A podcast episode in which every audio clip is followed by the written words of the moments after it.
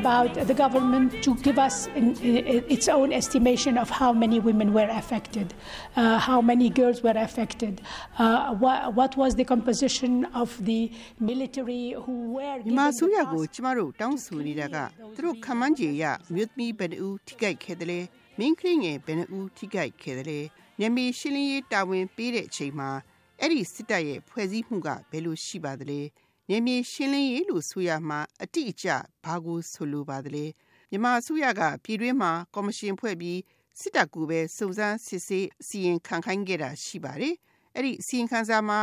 ဒီကျူးလွန်မှုတွေအတွက်ဘယ်သူမှတာဝန်ရှိတယ်ဆိုတဲ့အရေးကြီးတဲ့တွေးရှိချက်တွေကိုဖော်ပြထားခြင်းမတွေ့ရတာကဝင်းနေစရာဖြစ်ပါတယ်တစ်ဖက်မှာတော့ဒီရက်စက်ကြမ်းကြုတ်မှုတွေအကြောင်းကိုလူတိုင်းကပဲပြောနေကြတာဖြစ်ပါတယ်လို့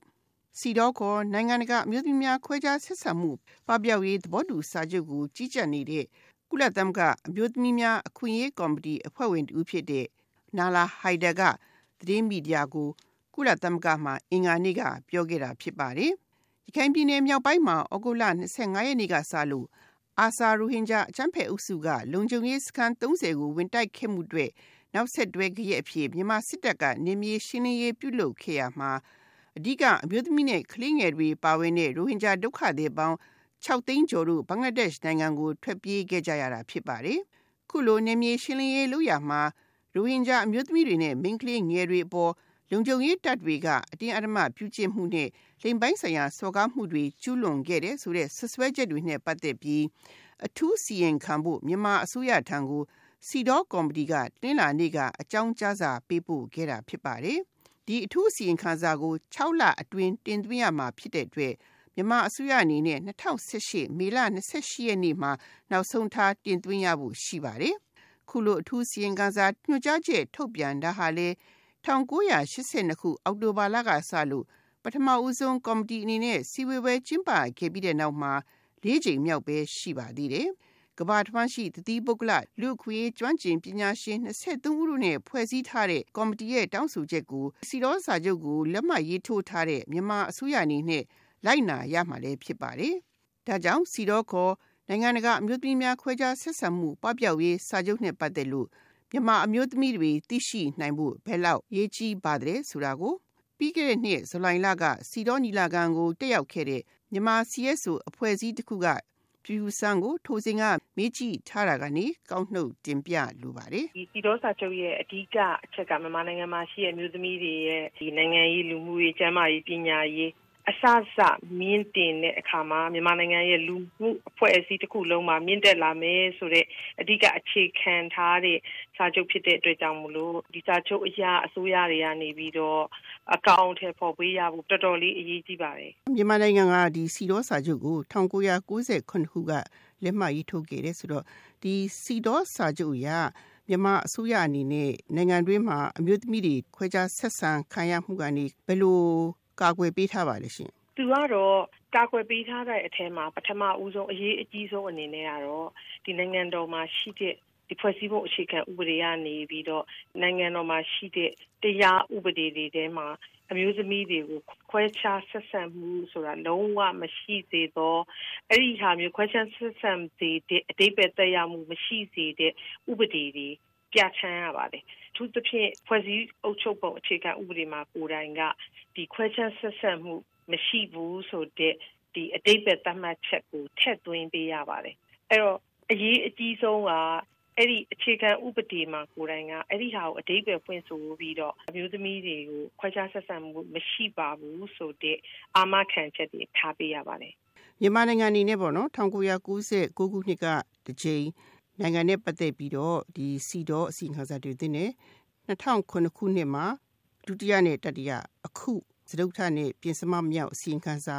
တင်သွင်းခဲ့တယ်ပေါ့အဲ့လိုတင်သွင်းတဲ့နေရာမှာပေါ့နော်ဖြူဖြူဆန်တို့ရဲ့ဒီ CSO တွေကလည်းเนาะအဖွဲ့အစည်းတွေကလည်းခရီးမြန်မာနိုင်ငံမှာ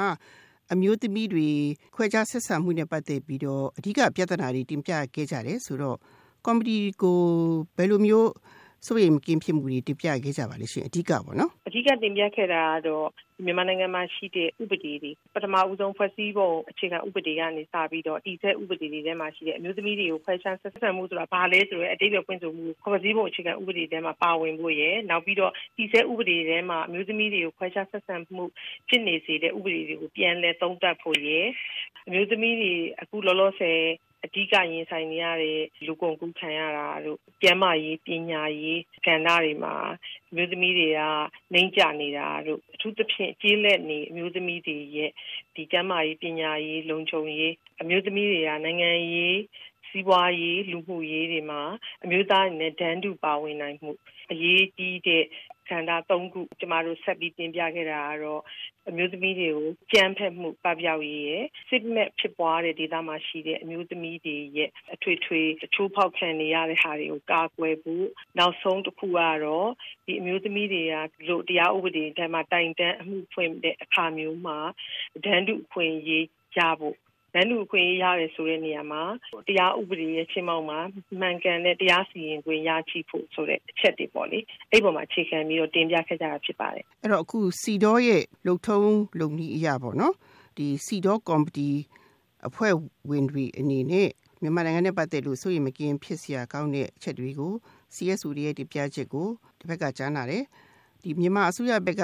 တင်သွင်းတဲ့အစီရင်ခံစာ ပါအချက်လက်တွေကိုလည်းသူတို့ကသုံးသပ်တယ်ပြီးတော့မြန်မာအစိုးရအဖွဲ့ကိုယ်စားလှယ်ကိုသူတို့ရဲ့စိုးရိမ်မကင်းဖြစ်မှုတွေသူတို့မိကွန်းထုတ်တယ်အဲ့လိုမိကွန်းထုတ်တဲ့နေရာမှာပေါ့နော်ဒီကော်မတီအဖွဲ့ဝင်တွေနဲ့ဘယ်အချက်တွေကိုအဓိကထားပြီးတော့မိကွန်းထုတ်ခဲ့ကြပါလဲရှင်စီတော့ကော်မတီကနေပြီးတော့ပထမဦးဆုံးအနေနဲ့မြန်မာကိုယ်စားလှယ်အဖွဲ့ကိုမေးတဲ့မိကွန်းကတော့စီတော့ကော်မတီကနေပြီးတော့အရင်တော့အကြံပြုခဲ့တဲ့ဖွဲ့စည်းအုပ်ချုပ်ပုံအခြေခံဥပဒေနဲ့တည်ဆဲဥပဒေတွေထဲမှာခွဲခြားရောက်စေတဲ့ မိမျိုးစုံကိုဟန်တားစေတဲ့အချက်တွေကိုထပ်သွင်းဖို့အကြံပြုခဲ့ပါတယ်အဲ့အကြံပြုချက်တွေကိုသူတို့ဘလောက်အထိပြီးတော့အကောင့်ထဲပေါ်ခဲ့လေအခုချိန်မှာဘလောက်အထိတိုးတက်လာခဲ့လေအဲ့ဒီဟာရောနောက်ပြီးတော့အခုနောက်ပိုင်းမှာပြီးခဲ့တဲ့အစိုးရလက်ထက်တုန်းက အတီးပြုခဲ့တဲ့ဒီအမျိုးသားဥပဒေလို့ခေါ်တဲ့ဥပဒေတွေရောရောစီတော်စာချုပ်နဲ့ဘလောက်အထိကိုက်ညီမှုရှိမရှိဆိုတဲ့ဟာကိုသုံးသပ်ဖို့ရအဲ့ဒီသုံးသပ်ဆောင်ရွက်ချက်တွေကရောဗမာပြည်အစိုးရလှုပ်ဆောင်ခဲ့ပါသလားဆိုတဲ့ဟာကိုမေးဖို့မေးခဲ့တာဖြစ်ပါတယ်ဆက်ပြီးတော့ပြီးတော့ကော်မတီကမင်းဝန်ထုတ်တာကတော့ဒီမြန်မာအစိုးရက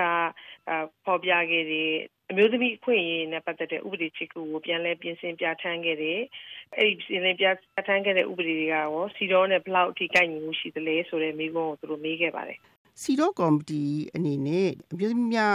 ခွဲခြားဆက်ဆံမှုနဲ့ပတ်သက်ပြီးတော့ပေါ့နော်။စိုးရိမ်မကင်းဖြစ်မှုတွေမှာတခြားအရေးပါတဲ့ ဘာအချက်တွေများထည့်ပြောသွားပါသေးလဲချင်းခြုံပြီးတော့နောက်ဆုံးအနေနဲ့ပြောပြပေးပါလားမျိုးသမီးတွေနဲ့ပတ်သက်ပြီးတော့မျိုးသမီးတွေနဲ့မိန်းကလေးတွေမှာပညာသင်ကြားခွင့်အခွင့်အရေးနဲ့ပတ်သက်တဲ့ဟာတွေသူတို့မေးပါတယ်အထူးသဖြင့်မျိုးနဲ့ဒီကြောရဒေသတွေမှာရှိတဲ့အမျိုးသမီးတွေပညာသင်ကြားပိုင်ခွင့်ခွင့်လန်းတွေဘယ်လောက်ပွဲပြားခြားနာမှုရှိသလဲဆိုတဲ့ဟာတွေရဲ့နောက်တက္ကသိုလ်ဝင်ခွင့်တွေမှာရောဒီအထူးပြုဘာသာပေါ်မှာမူတည်ပြီးတော့ဘယ်လိုဖွဲခြားဆက်ဆံမှုတွေရှိလဲဆိုတဲ့မေးခွန်းတွေလည်းသူတို့မေးပါတယ်နောက်ပြီးတော့ကျန်းမာရေးနဲ့ပတ်သက်လို့ရှိလို့ရှိရင်လည်းမျိုးသမီးတွေအနေနဲ့ရောကျန်းမာရေးပြုစုဆောင်ရှောက်မှုအခွင့်အရေးတွေရောဆိုရကနေပြီးတော့ဟိုဘယ်လောက်ဒီပံမှုမှုတွေလုပ်တယ်လဲ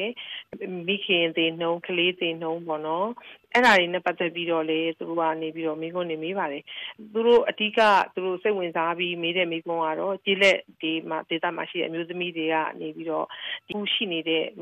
ဒီစီမံကိန်းတွေပေါ့လေစင်းရဲမှုပပျောက်ရေးစီမံကိန်းတွေအထူးသဖြင့်ကမ္ဘာဘဏ်ကနေပြီးတော့လုပ်နေတဲ့စင်းရဲမှုပပျောက်ရေးစီမံကိန်းတွေရောအမျိုးသမီးတွေပေါ်မှာဘယ်လောက်အထိထိရောက်မှုရှိသလဲဆိုတဲ့မိခွန်းတွေလည်းသူတို့မေးသွားပါတယ်ဟုတ်ကဲ့ကျေးဇူးအများကြီးတင်ပါတယ် You can bend but never break me, cause it only serves to make me more determined to achieve my final goal. And I come back even stronger, not a novice. Eh?